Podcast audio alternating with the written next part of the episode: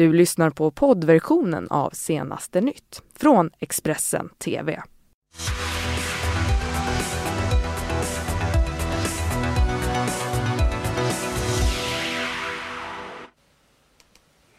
Men god morgon och vad härligt eh, att ni är med oss här i Senaste nytt. Det är ju skärtorsdag eh, och eh, påsken eh, börjar närma sig och har faktiskt anlänt eh, för många. Jag heter Johanna Gräns. Ja, och jag heter Ylva Johansson och det här det är morgonens rubriker. Brand i ICA-butik i Luleå. Allmänheten varnas. Och dödssiffran stiger efter bussolyckan på Madeira. Kristdemokraterna springer om Moderaterna i medierapporteringen visar ny mätning. Mm, vi börjar med att räddningstjänst, eh, ambulans och polis larmades vid klockan ett här på natten eh, till en ICA-butik i Kallkällan inne i centrala, centrala Luleå då lokalen börjat brinna. Som mest så kämpade 11 räddningsenheter mot branden och insatsen här beräknas pågå långt in på dagen. Mm, och allmänheten uppmanas ju nu också att hålla sig inomhus och stänga både fönster och ventilation på grund av den här branden. Det är fortfarande oklart ska vi säga ifall någon befann sig inne i byggnaden när det började brinna. Eh, polisen har eh, skrivit en anmälan om brott men avvaktar tills vidare att sätta en brottsrubricering. Mm.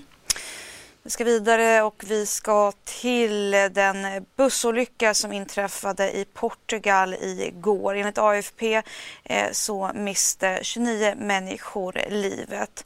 Och olyckan den skedde efter att föraren ska ha förlorat kontrollen över turistbussen och den senare då kraschade nerför ett stup på den populära turistön Madeira. Dödssiffran steg under onsdagskvällen efter en allvarlig bussolycka på den portugisiska ön Madeira. Enligt lokala medier så ska turistbussen med cirka 50 passagerare ha vält när föraren förlorade kontroll över bussen som åkte ner för ett stup och kraschade mot ett olycka. Canico i Santa Cruz och enligt lokala medier var samtliga passagerare på bussen tyska turister.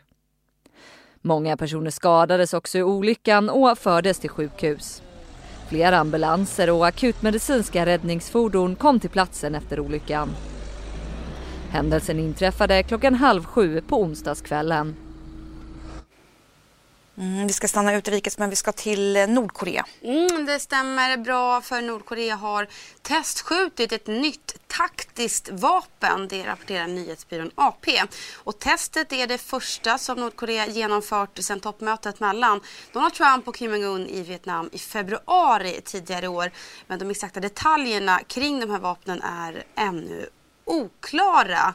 Eh, men Nordkoreas ledare Kim Jong-Un har ju trots det beskrivit de här vapnen. Men han har ju gjort det och det gjorde han i statlig tv eh, och han menar på att utvecklingen av de här vapnen är av stor betydelse för att eh, kunna stärka landets stridsstyrka. Nordkorea har inte eh, dock uppgett eh, eh, vad för typ av vapen det här ska handla om men enligt nyhetsbyrån Reuters så eh, borde då ett så kallat taktiskt vapen betyda att det är ett kortdistansvapen. Mm, till USA. Mm, för två år sedan så startade ju den särskilde utredaren Robert Mueller sin rapport där Rysslands påstådda inblandning i det amerikanska presidentvalet skulle utredas. Och idag så kommer den här rapporten att offentliggöras. There can't be anything there because there was no crime. There was no anything. The crime was committed by the other side. På torsdag får offentligheten ta del av den särskilde åklagaren Robert Muellers rapport om rysk inblandning i det amerikanska presidentvalet. Utredningen pågick under nästan två år.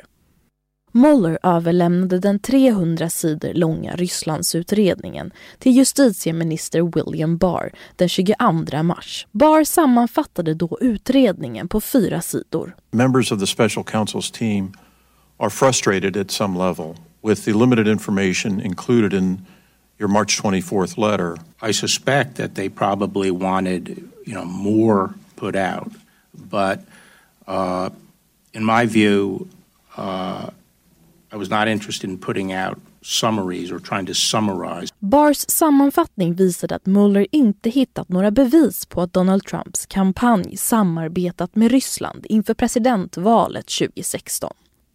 Trots detta är den amerikanska presidenten upprörd över Mueller-rapporten. På Twitter skriver han “Rapporten borde ha fokuserat på människor som spionerade på min 2016-kampanj och andra som fabricerade hela Rysslandsbluffen.” Mm, jag kan också säga att den här rapporten då som offentliggörs idag kommer delvis vara censurerad och eh, vissa ord och meningar kommer att vara överstrykna. Vi ska tillbaka till Sverige och vi ska prata lite grann hur det går för partierna i, eh, inom politiken. För Kristdemokraternas Ebba Busch Thor, hon syns allt oftare i medierna samtidigt som Moderaternas Ulf Kristersson får allt mindre uppmärksamhet. Ja, hur vet vi det då? Ja, det visar mediemätaren som Sifo gör eh, på uppdrag av Sveriges Radio Ekot. Mätningen den visar att under perioden januari till mars när regeringsbildningen i stort sett var klar får alla partier utom Vänsterpartiet generellt mindre uppmärksamhet i traditionella medier. Mm, totalt sett så är Socialdemokraterna det parti som syns mest i traditionella medier eh, och deras politiska rapportering. Det gäller även eh, på Facebook och Twitter. Men den stora raketen i medierapporteringen den senaste tiden är alltså Kristdemokraterna och Eva Busch Thor. I mars så är Eva Busch Thor den partiledare som syns näst mest i tidningar, radio och tv samt på Facebook. Och på Twitter så är är hon eh, den, eh, ja, till och med nummer ett i mars månad. Det parti som backar mest och intressemässigt det är Moderaterna och partiledaren Ulf Kristersson. Mm.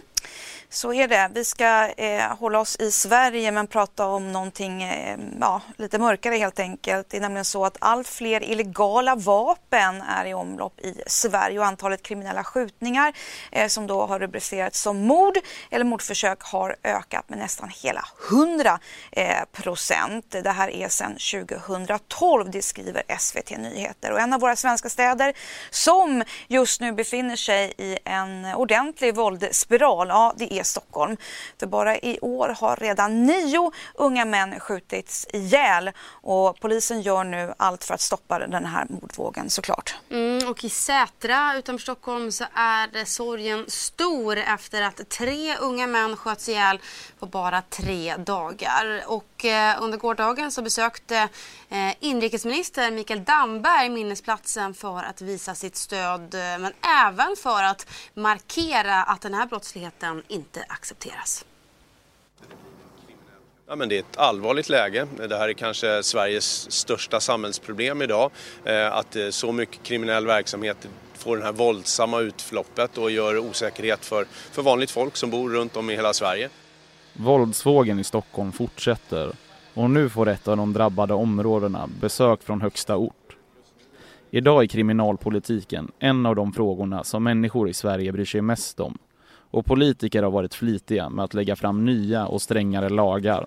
Den största satsningen som vi gör nu det är en resurssatsning på polisen där vi kommer att utöka Polismyndigheten med 10 000 polisanställda här i Sätra och lokalpolisområdet här i området så, så noterade man tog emot 12 stycken polisaspiranter bara häromdagen.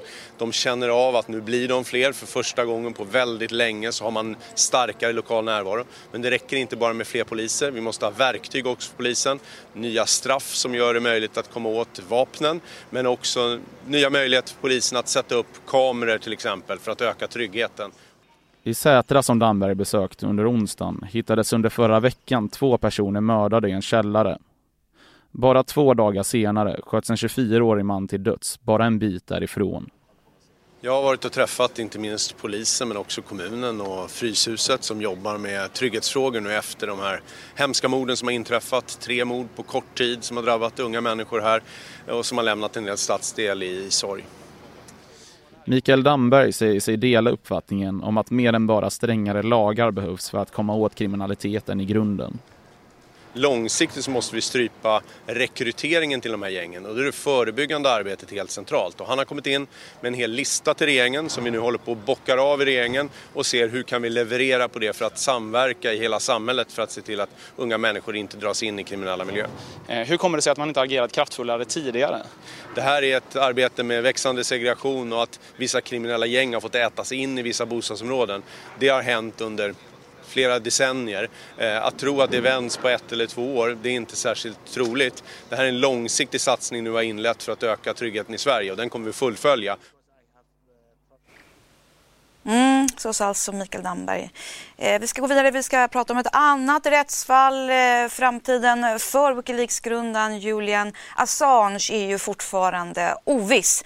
Samtidigt så har den svenske programmeraren Ola Bini överklagat sin häktning i Ecuador där han misstänks för att ha försökt underminera eh, regeringen och sägs då också ha kopplingar till Assange och Wikileaks. Julian Assange sitter fortsatt häktad i London och den svenska programmeraren Ola Bini som greps kort efter Assange jobbar nu för att överklaga sin häktning i Ecuador. Eh, advokaten har också bekräftat för mig att eh, deras överklagan har accepterats nu och godkänns så att nu väntar de på en förhandling i nästa instans. Det var torsdagen den 11 april som polisen grep Julian Assange på Ecuadors ambassad i London där han befunnit sig de senaste sju åren. Det är efter att Ecuador dragit tillbaka Assange politiska asyl. Wikileaks-grundaren är begärd utlämnad till USA för dataintrång efter att ha offentliggjort information om den amerikanska militärens krigsbrott under Irakkriget. Han står också misstänkt för våldtäkt mot två kvinnor i Sverige under 2010. This is uh, a serious attack on, on, the, on, on the freedom of the press and should be noticed as such. We're going to hold uh, Julian Assange to the fullest account of the law and that's what the American people expect. Strax efter gripandet av Julian Assange i London så greps den svenske programmeraren Ola Bini på Ecuadors flygplats. Han anklagas av Ecuadors inrikesminister för att försökt underminera landets regering och enligt Ecuadors myndigheter har han nära kopplingar till Wikileaks och Julian Assange. Ola Bini nekar till alla anklagelser och hans advokater har nu överklagat häktningen. Mm, och med det har det blivit dags för oss att avrunda här, men mer nyheter hittar ni såklart på Expressen.se.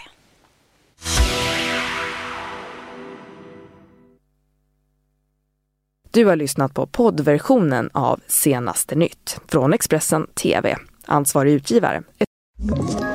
Ett poddtips från Podplay. I fallen jag aldrig glömmer djupdyker Hasse Aro i arbetet bakom några av Sveriges mest uppseendeväckande brottsutredningar går vi in med hemlig telefonavlyssning och, och då upplever vi att vi får en total förändring av hans beteende. Vad är det som händer nu? Vem är det som läcker? Och så säger han att jag är kriminell, jag har varit kriminell i hela mitt liv men att mörda ett barn, där går min gräns. Nya säsongen av Fallen jag aldrig glömmer på Podplay.